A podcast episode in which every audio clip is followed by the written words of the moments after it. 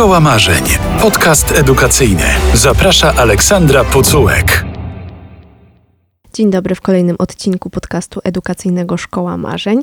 Dziś ze mną jest, już zresztą zapowiadany w poprzednim odcinku, Marcin Józefaciuk, anglista, dyrektor zespołu szkół rzemiosła w Łodzi. Dzień dobry. Dzień dobry. Już w przedstawianiu pana poruszam dwa wątki, które dziś chciałam rozwinąć.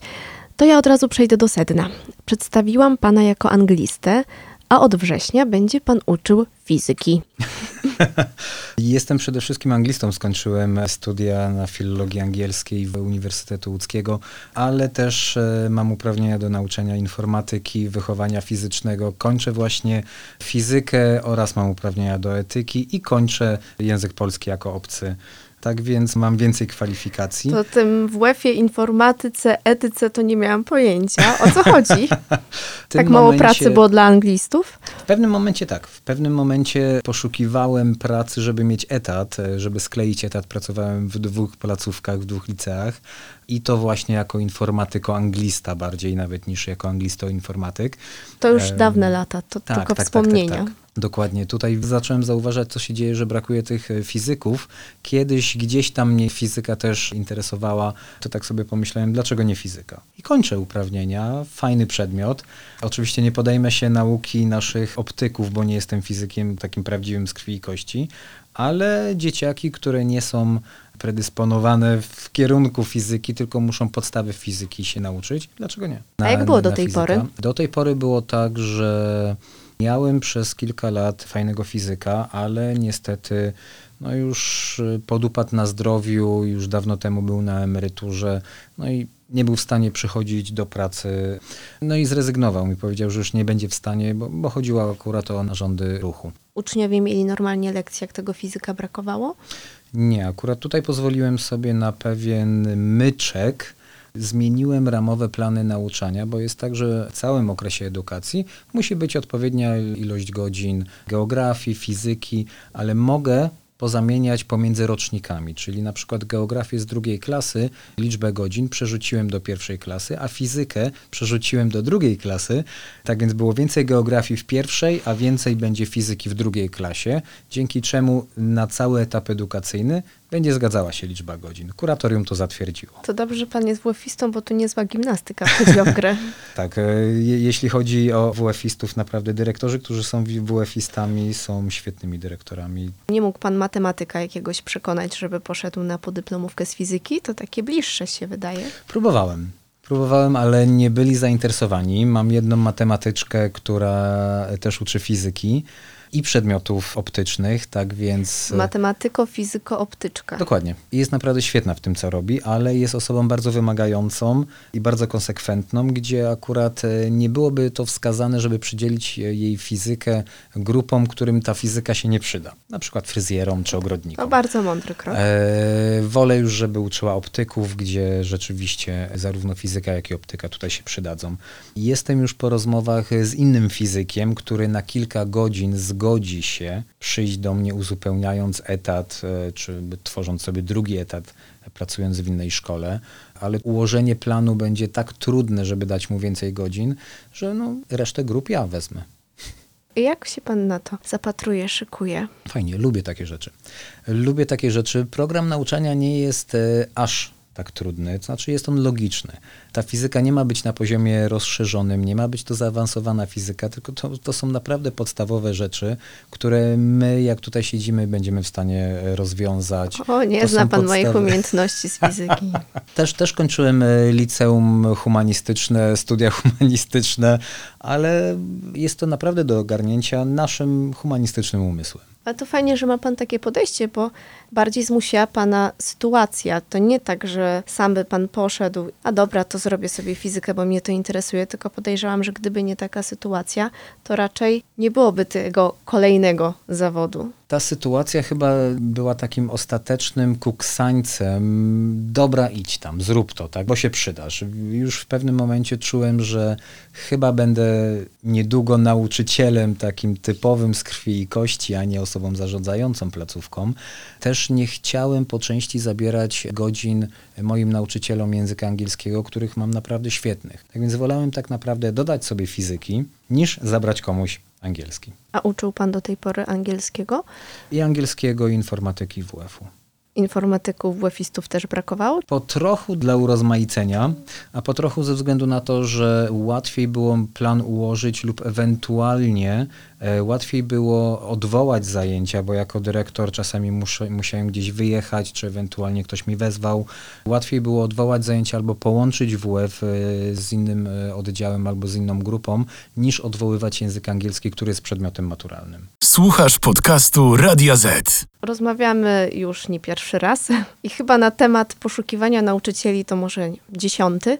Kolejny rok szkolny i kolejny rok szkolny pod tym samym hasłem, to znaczy zatrudnię, szukam nauczyciela. Jak to u Pana wygląda? Kogo brakuje?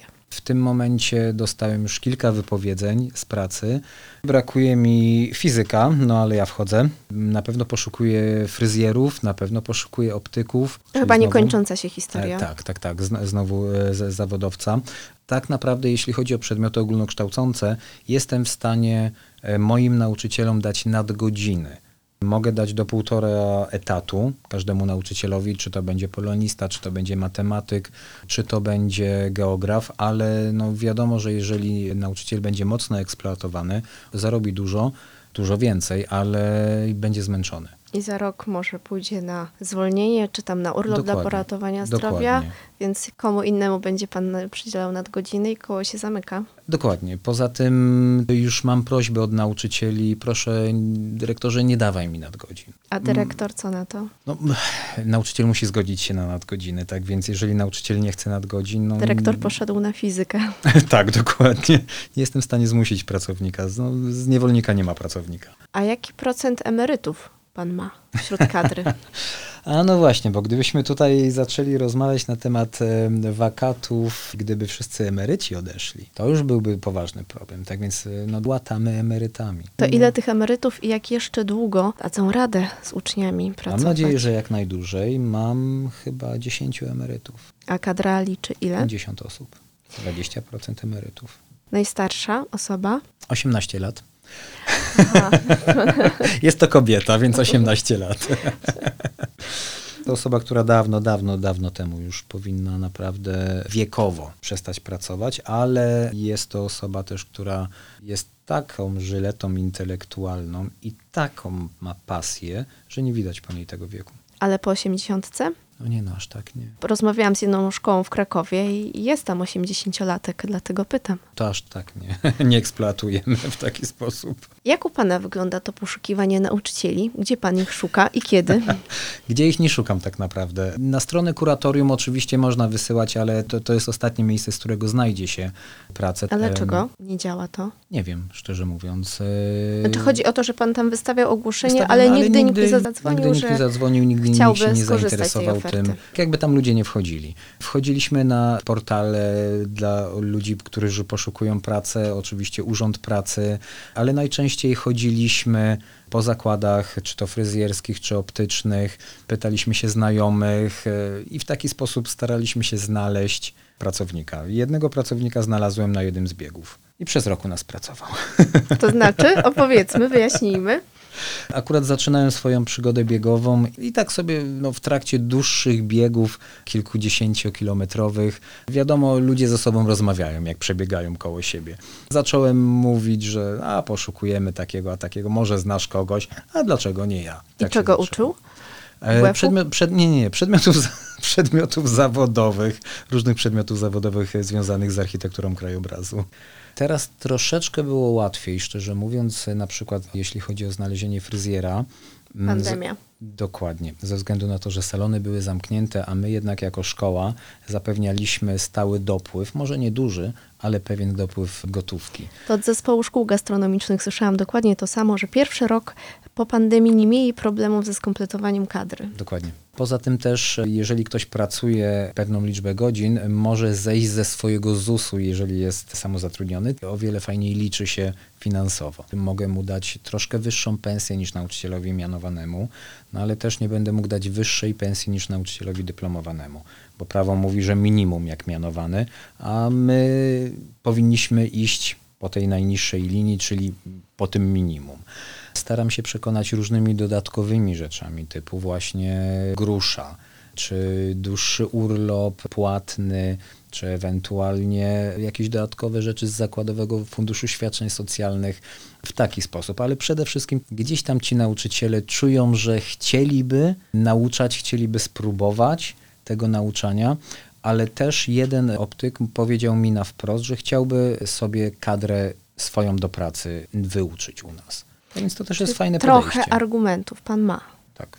A jak pan przedstawia te argumenty, to co pan zazwyczaj słyszy? Różne rzeczy. Czasami e, kandydaci nie wierzą, że tutaj można coś zrobić. Niektórzy mówią, że i tak nie chcą się użerać z dzieciakami, a niektórzy są zainteresowani. A jak słyszą zarobki? Większość z nich e, zarabia w pracy w ciągu tygodnia więcej niż w ciągu miesiąca u nas.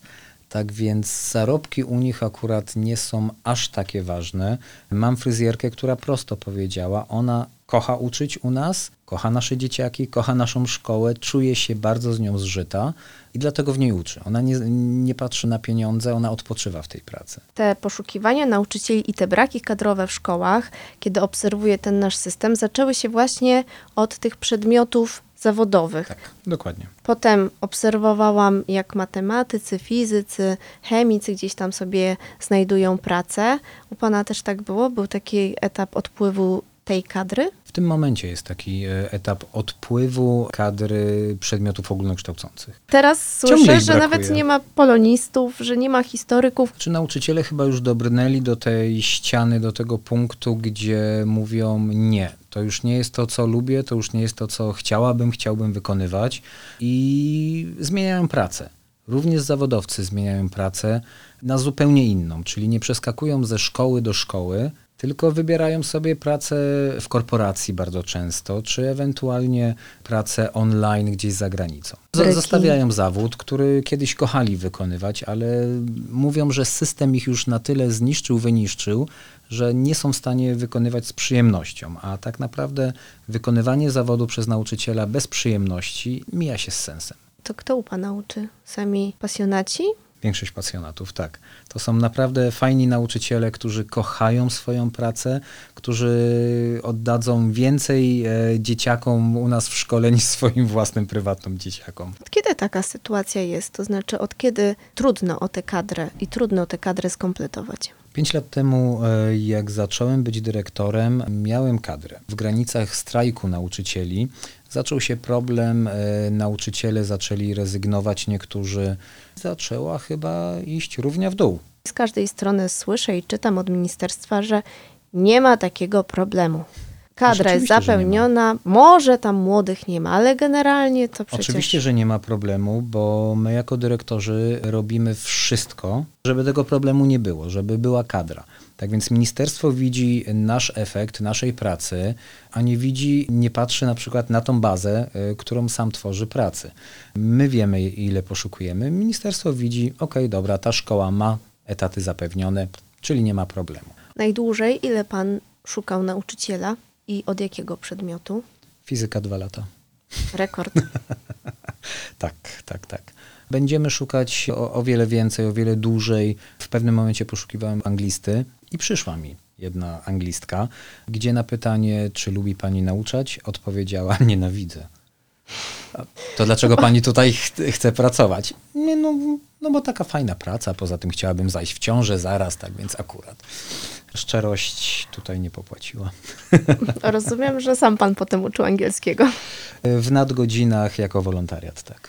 Mamy też problem z kadrą obsługującą szkołę. Poszukujemy jednej woźnej i jednego portiera i jest problem, nikt nie chce. Znaczy mamy woźną, która po prostu odchodzi na emeryturę i mamy portiera, kończy jemu się umowa i znalazł po prostu lepiej płatną pracę.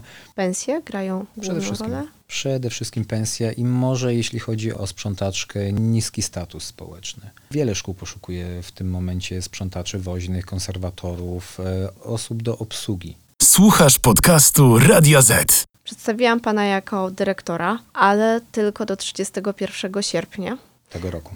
tego roku, czyli już niewiele zostało panu z tej kadencji. Odlicza pan? Tak. Był pan dyrektorem 5 lat, Kończy się piąty rok, tak. jedna kadencja. Mhm. To aż chcę się zapytać, czemu nie ma drugiej. Ostatnio czytałam wywiad z dyrektorką, która była 21 lat dyrektorem. Znaczy, to jest tylko i wyłącznie stanowisko powierzone na, na pewien okres. Ja kocham nauczać. Brakuje mi nauczania w tym dyrektorowaniu, brakuje mi tej świeżości, wejścia do klasy. Dlatego właśnie z chęcią wchodziłem za nauczycieli nieobecnych w ramach swojego pensum, żeby znowu poczuć ten fajny, świeży oddech e, w sali. Odpoczywam e, pracując z dzieciakami. Papiery to nie jest moja mocna strona. Lubię zarządzać placówką.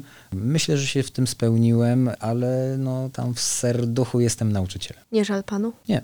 Mam świetnego następcę i wiem, że osoba, która wejdzie na stanowisko kierownicze u mnie, y, które będzie dyrektorem od 1 września, na pewno poprowadzi placówkę o wiele, wiele lepiej niż ja i nadaje się do tego. Jak pan znalazł tego następcę? Przez przypadek chyba. Dwa, trzy lata temu zgłosiła się no, taka osoba, czy, czy bym nie miał kilku godzin etyki. Tak więc uczyła na początku tylko etyki, później zaczęła um, polskiego dla obcokrajowców. Dopiero później cały etat był.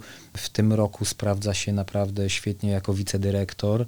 Kadra pedagogiczna też poznała już tą osobę jako wicedyrektora i w jaki sposób zarządza ludźmi.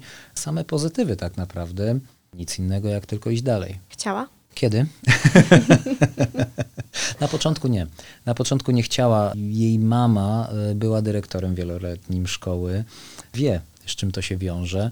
Tak naprawdę dopiero po konkursie powiedziałem wszystko, z czym to się wiąże, bo gdy, oczywiście gdybym ujawnił wszystkie sekrety, z czym wiąże się kadencja, może by się nie zdecydowała. W każdym razie jest naprawdę pełna tej pasji, tej energii, tej takiej świeżości, która jest potrzebna na tym stanowisku. Jeżeli będzie tylko potrzebowała mojego wsparcia, pomocy czy podpowiedzenia, ja zawsze będę i nie będę miał problemu z podporządkowaniem się. Ile osób jeszcze kandydowało na stanowisko? Za wyjątkiem tej jednej osoby? Nikt więcej. Typowe czy wyjątkowe? Typowo wyjątkowe, bo były takie konkursy, do których nikt się nie zgłosił, tak więc konkursy w ogóle nie rozstrzygnięte, ale ogólnie jest tak, że w tym momencie na stanowisko dyrektora no, tłumów nie ma, tym bardziej do szkół zawodowych. I o co chodzi? Bo ostatnio w Gdańsku też, wiadomo, konkursy przeprowadzane na dyrektorów szkół, przedszkoli, innych placówek oświatowych, powtarzane pierwszy raz, drugi raz, trzeci raz, bo nie ma w ogóle kandydatów. Nikt nie chce być dyrektorem. Nie ma zbyt wielu chętnych. Znaczy tutaj jest e, tak, że e, my jako dyrektorzy mamy jeden etat, bez żadnych nadgodzin, e, to jest nienormowany niby czas pracy, prawda? W każdym razie e, w ramach tego jednego etatu 40-40 mamy kilka godzin dydaktycznych, czyli przy tablicy z dzieciakami, w zależności to już jest oczywiście od uchwały Rady Miasta. No i dalej wykonujemy swoje obowiązki kierując ludźmi, co nie należy do najłatwiejszych rzeczy. My jako nauczyciele jesteśmy nauczycielami. Oczywiście po studiach zarządzania oświatą, no nie do końca jesteśmy tymi takimi osobami, które może od samego początku nadawałyby się w 100% do tego kierowania.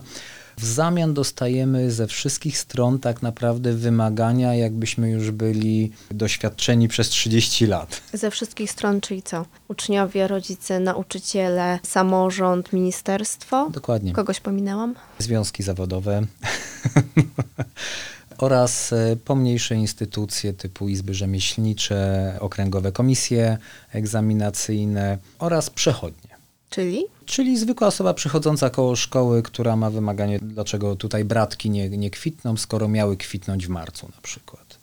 Czy ewentualnie mieszkaniec, który pisze skargę, bo drzewo zacienia jego truskawki. Rozumiem, że drzewo na terenie szkoły. Tak. I do pana pisze tę skargę? Nie, od razu do pani prezydent. A pani prezydent przekierowuje do pana. I co, wyciął pan drzewo? Nie. Przesadził sąsiad truskawki? Nie, sprawa jest dalej w toku, już trzy lata. Trzy sezony truskawek. Prawda? Śmiechem, żartem, ale to taki trochę śmiech przez łzy. Bycie dyrektorem jest naprawdę fajnym zawodem. Jest zawodem, jest pracą, jest pasją, jest e, fajnym zajęciem. Jest zajęciem naprawdę wymagającym, ale bardzo wdzięcznym. Podobało mi się niezmiernie. Nie mówię, że w przyszłości nie będę chciał jeszcze dalej spróbować. Może dalej w tej szkole, może w innej szkole, może w ogóle w zupełnie w innej kwestii. Bycie dyrektorem to jest ogarnięcie wszystkiego, wszystkich dookoła, gdzie tak naprawdę do końca zwykły człowiek nie chciałbym powiedzieć, że my jesteśmy niezwykli jako dyrektorzy, ale e, normalny człowiek e, nie chce aż tyle z siebie dawać, bo ma swoją rodzinę, bo ma swoje pasje, które chciałby wykonywać, a tak naprawdę my mamy goły etat plus dodatek dyrektorski. To trochę o tych zarobkach. Pisałam niedawno artykuł o tym, że dyrektorzy odchodzą ze szkół i zastąpić ich nie ma kim. Wspomniałam o tym, że jest pewna patologia w systemie zarobków dyrektora, a nauczycieli. Zdarza się, że nauczyciel więcej zarabia od dyrektora i od razu się posypała fala komentarzy, że no ale owiane tajemnicą, ile ten dyrektor zarabia. Jak zwykle utajnione, to na pewno podejrzane. Nie, nie może być to utajnione w żadnym wypadku, są oświadczenia majątkowe, rokrocznie musimy je składać. Możemy podać w takim razie jakieś widełki. Chyba do końca nie możemy, tak naprawdę, ze względu na to, że w Łodzi, w zależności od tego, jaka to jest szkoła, jakiego typu, ile ma oddziałów, ile ma lokalizacji, czy ma boisko wielofunkcyjne, czy ma basen, do tego wszystkiego dokłada się dodatkowe finanse do, do dodatku dyrektorskiego. My mając sesje egzaminacyjne egzaminów zawodowych i egzaminów potwierdzających kwalifikacje w zawodzie, dyrektor ma dodatkowe bodajże 200 zł.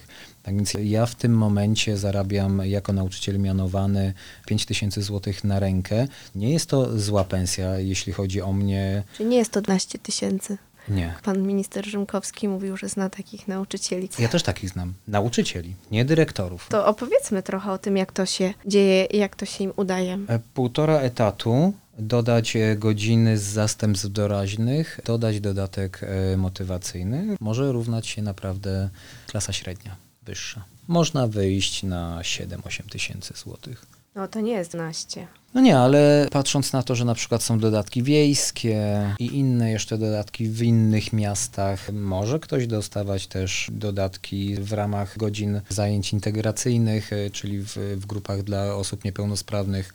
Tam już są e, przeliczniki o wiele wyższe. No coś jest nie halo z tymi zarobkami, mówiąc tak kolokwialnie i prosto. Po pierwsze są bardzo skomplikowane, mam wrażenie, i chyba to jest ten jeden problem, że cały czas krążą jakieś legendy i plotki o tych nauczycielach. Chociaż nie wiem, dlaczego akurat tej grupy zawodowej tak interesujemy się zarobkami. Ale gdyby może to było prostsze, gdyby wszyscy widzieli, to może jakoś łatwiej byłoby to zmienić. I też te proporcje w takim razie rzeczywiście dyrektor nie może sobie dorobić nad godzinami. Czy może? Ogólnie rzecz ujmując nie może. Znaczy może tak, mam nauczyciela, który zachorował i muszę przydzielić e, zastępstwa. Trochę wyglądałoby to w sposób naprawdę dziwny, gdybym ja sobie sam te godziny doraźne dawał i zyskał na tym, tak? Tak więc wolę dawać nauczycielom e, moim innym, żeby też sobie dorobili. Ewentualnie, chyba że anglista zachorował i nie ma innego anglisty, no to ja wchodzę. Albo fizyk. E, Albo etyk, Albo albo albo informatyk, tak. Tak więc wo, wo- wolę dać innym nauczycielom, tak więc to, to się troszeczkę tak zamyka. No, my sobie nie dajemy, żeby też ludzie nie mówili, a dyrektor to jest, to jest jego podwórko i on sobie sam daje i on z tego korzysta. Często dostaję takie uprzejme maile, że dany dyrektor przydziela tylko danym nauczycielom i ja sobie nie mogę dorobić. Jaki jest rozdział tych nadgodzin? Jest jakiś system ich rozdzielania, czy to rzeczywiście od dyrektora zależy? To zależy od dyrektora, ale zawsze rada, przed rozpoczęciem roku szkolnego Rada Pedagogiczna opiniuje arkusz organizacji. Czyli każdy widzi, kto ile ma nadgodzin i wtedy można jeszcze coś zmienić. Ja staram się to zrobić w taki sposób, żeby jednak było porówno, chyba że jakiś nauczyciel mnie naprawdę poprosi, dyrektorze, nie dawaj mi, moje dziecko będzie miało operację, tak więc chciałabym się zająć swoim dzieckiem, miałem taką sytuację, proszę tylko go, goły etat i to wszystko. Częściej jest jednak ta wersja niż, proszę o, o dodatkowe nadgodziny. To znaczy moi nauczyciele wiedzą, że żeby tak do mnie nie mieli. przychodzili prosząc o dodatkowe nadgodziny, bo nie jest dla mnie argumentem poproszę o dodatkowe nadgodziny, bo mam trudną sytuację. Każdy będzie miał trudną sytuację, tym bardziej w czasach inflacji szalejącej. Staram się porówno rozdzielić nadgodziny, ale też patrząc na to, w czym na, dany nauczyciel jest dobry. Jeżeli mam WF-istę, który też przy okazji może nauczać BHP w zawodzie, to BHP będzie wchodziło w jego nadgodziny, ale on jest przede wszystkim WF-istą, tak więc rozdzielam godziny WF-istów pośród WF-istów, a BHP, bo zrobił coś dodatkowego. Możemy powiedzieć, jaka jest kwota za nadgodzinę? Są jakieś określone Nie widełki? pamiętam. To też według e, stopnia awansu zawodowego nauczyciela, nie pamiętam teraz, ale to, to będzie jakieś 30-40 zł za godzinę. Słuchasz podcastu Radio Z. Trafił pan na dosyć trudne lata, bo strajk to już pan był? Tak, tak. Piekłem moim nauczycielom ciastka. Bo nie mogłem sam strajkować.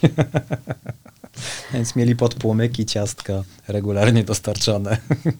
Potem pandemia i organizacja Mhm. zajęć i lekcji zdalnych. Tak naprawdę cieszę się, że trafiłem na ten okres. E, Po części się cieszę, po części to przeklinam, bo może gdybym trafił na okres troszkę prostszy, moja decyzja byłaby zupełnie inna, czyli żeby kontynuować na kolejne 5 lat kadencji, żeby próbować kontynuować. W każdym razie jestem osobą, która lubi zmiany, która lubi jak coś się dzieje. Tak więc poczułem w trakcie strajków, czułem, czułem że, że, że na coś mamy wpływ, coś możemy zrobić.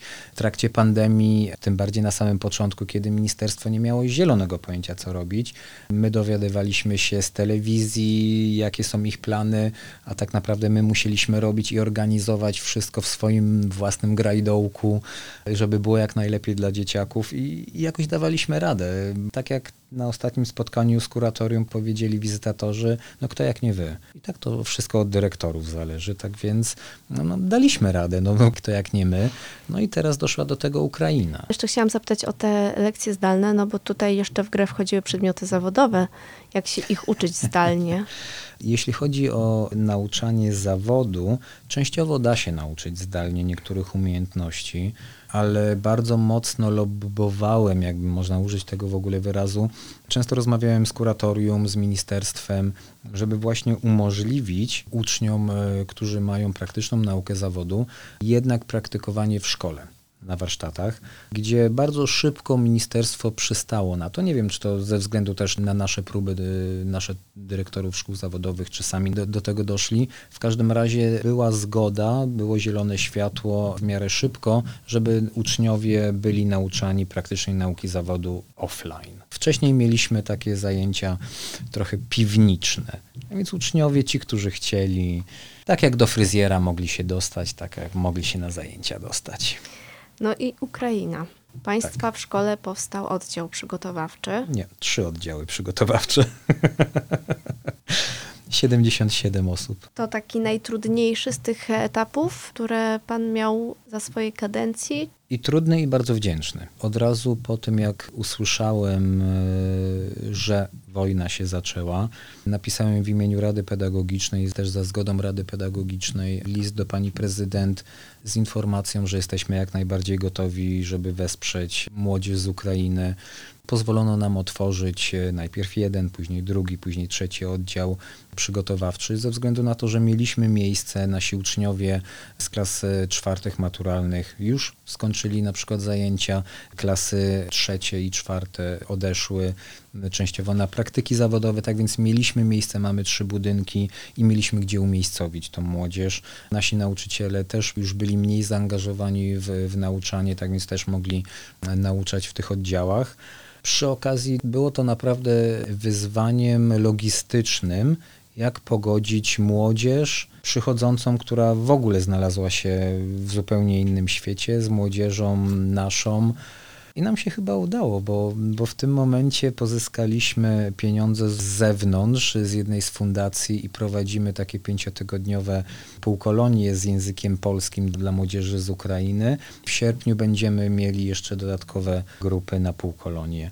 Trakcie przyjmowania tych uczniów napisał pan taki bardzo przejmujący post na Facebooku, do którego często wracam. Oprócz tego, że wymienił tam pan e, bardzo dużo zadań w ciągu jednego dnia i jednej nocy, jakie miał pan, to z drugiej strony też bardzo wzruszającą część pan tam opisał. W szkole była wtedy tak naprawdę masakra. I to gigantyczna masakra. Byłem w trakcie kontroli dużej. Zaczęliśmy przyjmować e, ludzi z Ukrainy. Nie wiedzieliśmy w jaki sposób e, w ogóle operować. Nie mieliśmy żadnego wsparcia językowego. Tak więc dobrze, dobrze że Część z nas mówiła w języku rosyjskim, część w języku angielskim, ale każde spotkanie, każda osoba, która przychodziła do sekretariatu, to była zupełnie inna opowiadanie, zupełnie inna historia.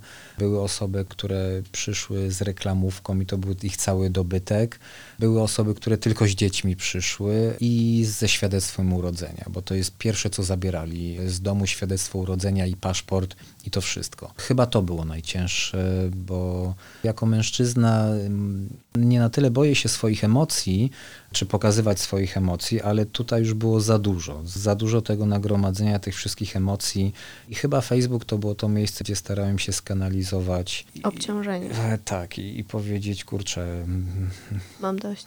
pomocy, albo dostrzeżcie to. Ktoś Tak. dostrzegł, przyszła pomoc. Tak, to znaczy moi nauczyciele dostrzegli, dali mi spokój na chwilę. Uczniowie też tak jakby uspokoili się, dali możliwość tego odetchnięcia. Kontrole nie uspokoiły się. Kontrolę z kuratorium? To były ze wszystkich stron, bo były związane z oceną mojej pracy. Tak więc, e, czy pomoc była? Pomoc była. Może nie, nie od tych osób, od których oczekiwałem. Od kogo pan oczekiwał? Chyba trochę więcej oczekiwałem od e, władz, e, zarówno od rządu, jak i od e, samorządu. W pewnym momencie oczekiwaliśmy takiego naprawdę, to znaczy ja oczekiwałem poklepania trochę po plecach i powiedzenia, chłopie, dobrą robotę robisz. To nic nie kosztuje. Tak, i muszę powiedzieć, usłyszałem to po raz pierwszy, usłyszałem chyba pod koniec czerwca od jednej z inspektorek Wydziału Edukacji. Jak byłem, nie wiem, jakiś dokument zawieść, powiedziała Marcin, akurat jesteśmy po imieniu, bo razem pracowaliśmy, pomogłeś nam bardzo. Dzięki ci bardzo. To tak trochę uskrzydliło, ale nie robiliśmy tego, żeby usłyszeć coś naprawdę, o dziękuję bardzo, czy żeby mieć jakąś gratyfikację finansową, ale Wydział starał się trochę nas wspierać, ale bardziej na zasadzie prowadzenia niż czasami porozmawiania od tak. Cieszę się, że mamy psychologa w szkole, ale no ja nie mogłem z niego skorzystać, bo jednak to był mój, jest mój, mój pracownik. Wspominał pan, że trudne, ale wdzięczne zadanie. Uczniowie, rozumiem, wdzięczni.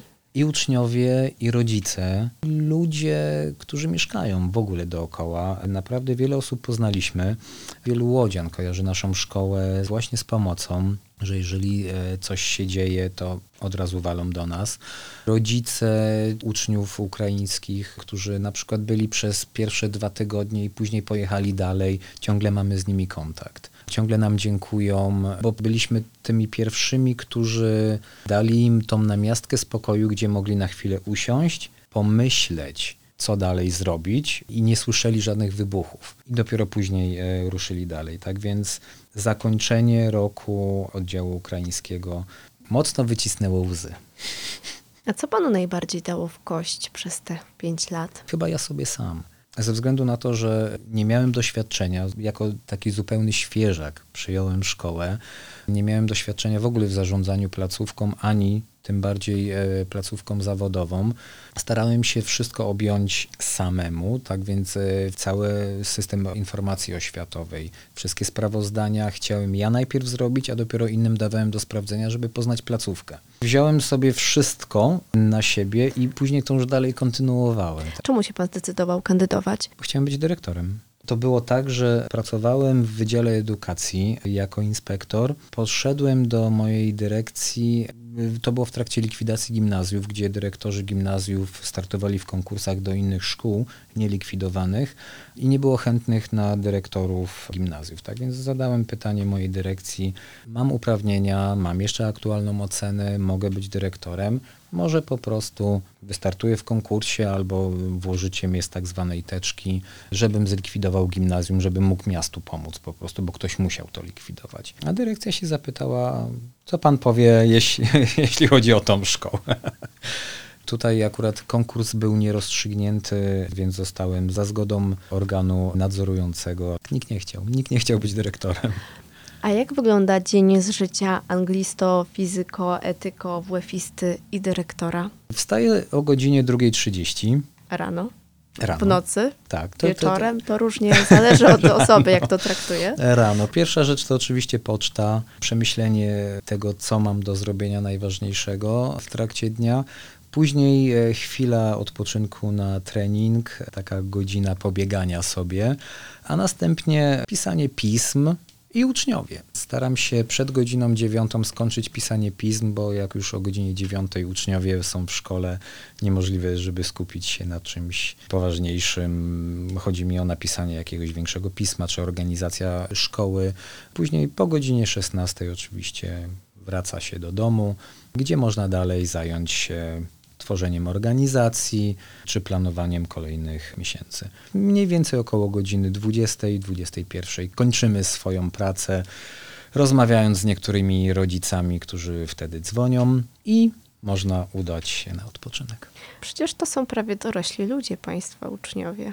Tak, też miałem sytuację, gdzie dzwonił rodzic w sprawie nauczyciela pracującego u mnie. Jak tam mój syn, córka sprawdza się w pracy. Tak, znaczy to są prawie dorośli ludzie, ale... pochwalił pan tego Ależ nauczyciela? oczywiście. Ależ oczywiście. Na zewnątrz nie będę mówił nic złego. Rodzice będą dumni. Dokładnie.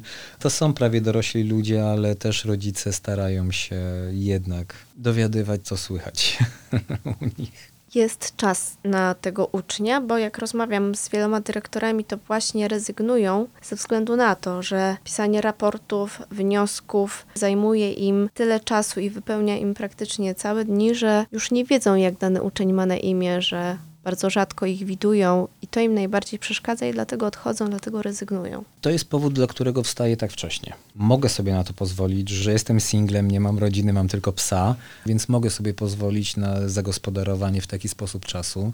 Staram się uczniów witać i żegnać z kawą w ręku w, w drzwiach. Tak zacząłem swoją kadencję i też tak skończyłem. Bardzo się cieszę, że pandemia nie przeszkodziła mi na samym końcu żegnać uczniów z kawą e, w drzwiach ale fakt faktem uczeń zaczyna się zacierać. To są podobne problemy, podobne sytuacje, sprawy i widzimy tylko tabelki, Excel i rzeczywiście podobne organy pytają nas o podobne rzeczy, zamiast przekazywać między sobą. Pytałam, co panu najbardziej dało w kość, ale żeby nie było tak pesymistycznie, z czego pan jest najbardziej zadowolony, co panu przyniosło najwięcej satysfakcji? Jeszcze się nie pożegnałem tak naprawdę. Ile tego urlopu do wykorzystania panu tam zostało? Jeszcze 60 dni. Jeszcze... Rozumiem, że wakacji pan nie ma. Nie, nie, bo teraz kończy się rekrutacja. Później trzeba zaplanować oczywiście organizację roku szkolnego, a następnie są egzaminy poprawkowe. I zaczyna się nowy tak, rok szkolny. Tak, i zaczyna się rok szkolny, tak więc... Gdzie będzie pan uczył już fizyki. Coś nie ma mowy o urlopie, żeby dalej uczniowie nie mieli fizyki. To już Nie, nie, nie, nie wchodzi Tutaj, w grę. to, to, to nie wchodzi w grę. No to wracając do tej satysfakcji. Pożegnać jeszcze się nie pożegnałem, bo jeszcze chyba ciągle nie wierzę, albo jeszcze do mnie nie doszło, że za chwilę będę zupełnie inne obowiązki wykonywał. Satysfakcję odczuwam z takich małych rzeczy. Yy, Uczniowie często do mnie przychodzą i to jest fajną sprawą. Nie boją się mnie, nie boją się przyjść, zapytać o jakąś naprawdę, nawet czasami duperele. Są uczniowie, którzy regularnie utrzymują ze mną kontakt, pytają się o jakąś radę, proszą. I to są te rzeczy, które dają naprawdę dużą satysfakcję. To, że szkoła rozwinęła swoje skrzydła, to, że mamy trzy budynki, to, że e, naprawdę budynek szkoły jest piękny, odnowiony, w środku e, szkoła jest nowoczesna, to, że udało się pozyskać w ciągu ostatnich miesięcy prawie milion złotych na dodatkowy sprzęt i zajęcia Skąd? dzięki Wydziałowi Edukacji z UNICEF-u, jak i właśnie przez stowarzyszenia, czy poprzez różne najmy weekendowe. I to wszystko jest dla uczniów. Tak więc to są te takie rzeczy, gdzie y, ja wiem, że może w niektórych momentach troszeczkę zawaliłem sprawę, troszeczkę em, może bym coś innego zrobił. No miało być E, o radości i ale, satysfakcji. no. tak, tak, tak, ale fajne jest to, że tak jak sobie myślę, co przejmowałem, nie chcę nic złego powiedzieć na temat poprzedniego dyrektora, to co przejąłem i to co zostawiam, to są dwa różne światy. Widzę, że nauczyciele są zadowoleni jednak z pracy w szkole, że chcą u nas zostać i nabór uczniów, że jesteśmy tą szkołą pierwszego często wyboru, to jest ta satysfakcja. Kończąc, jaki będzie ten nowy rok szkolny dla pana, dla szkoły? Fajny. Wreszcie będzie coś fajne. pozytywnego słyszę. Tak, tak, tak. To znaczy, to będzie rok, e, który zacznie się na pewno w sposób taki trochę wybuchowy, bo nagle wszyscy znajdą się w nowym środowisku. Zawsze rozpoczęcie roku szkolnego to jest ten taki fajny, pozytywny rozgardiaż. Później podejrzewam, że pandemia troszeczkę Wróci? wróci i popsuje nam trochę szyków, ale już jesteśmy na tyle wyrobieni, że tutaj na spokojnie damy radę. Niektórzy uczniowie wręcz się modlą o kilka dni nauki zdalnej, bo liczą, że jak będzie nauka zdalna, to będą obniżone wymagania maturalne, aż szykuje się nam nowa matura w 2023 roku. Tak, i nie mają co liczyć na wymagania. E, I, I to też jest fajne, i to też jest fajne.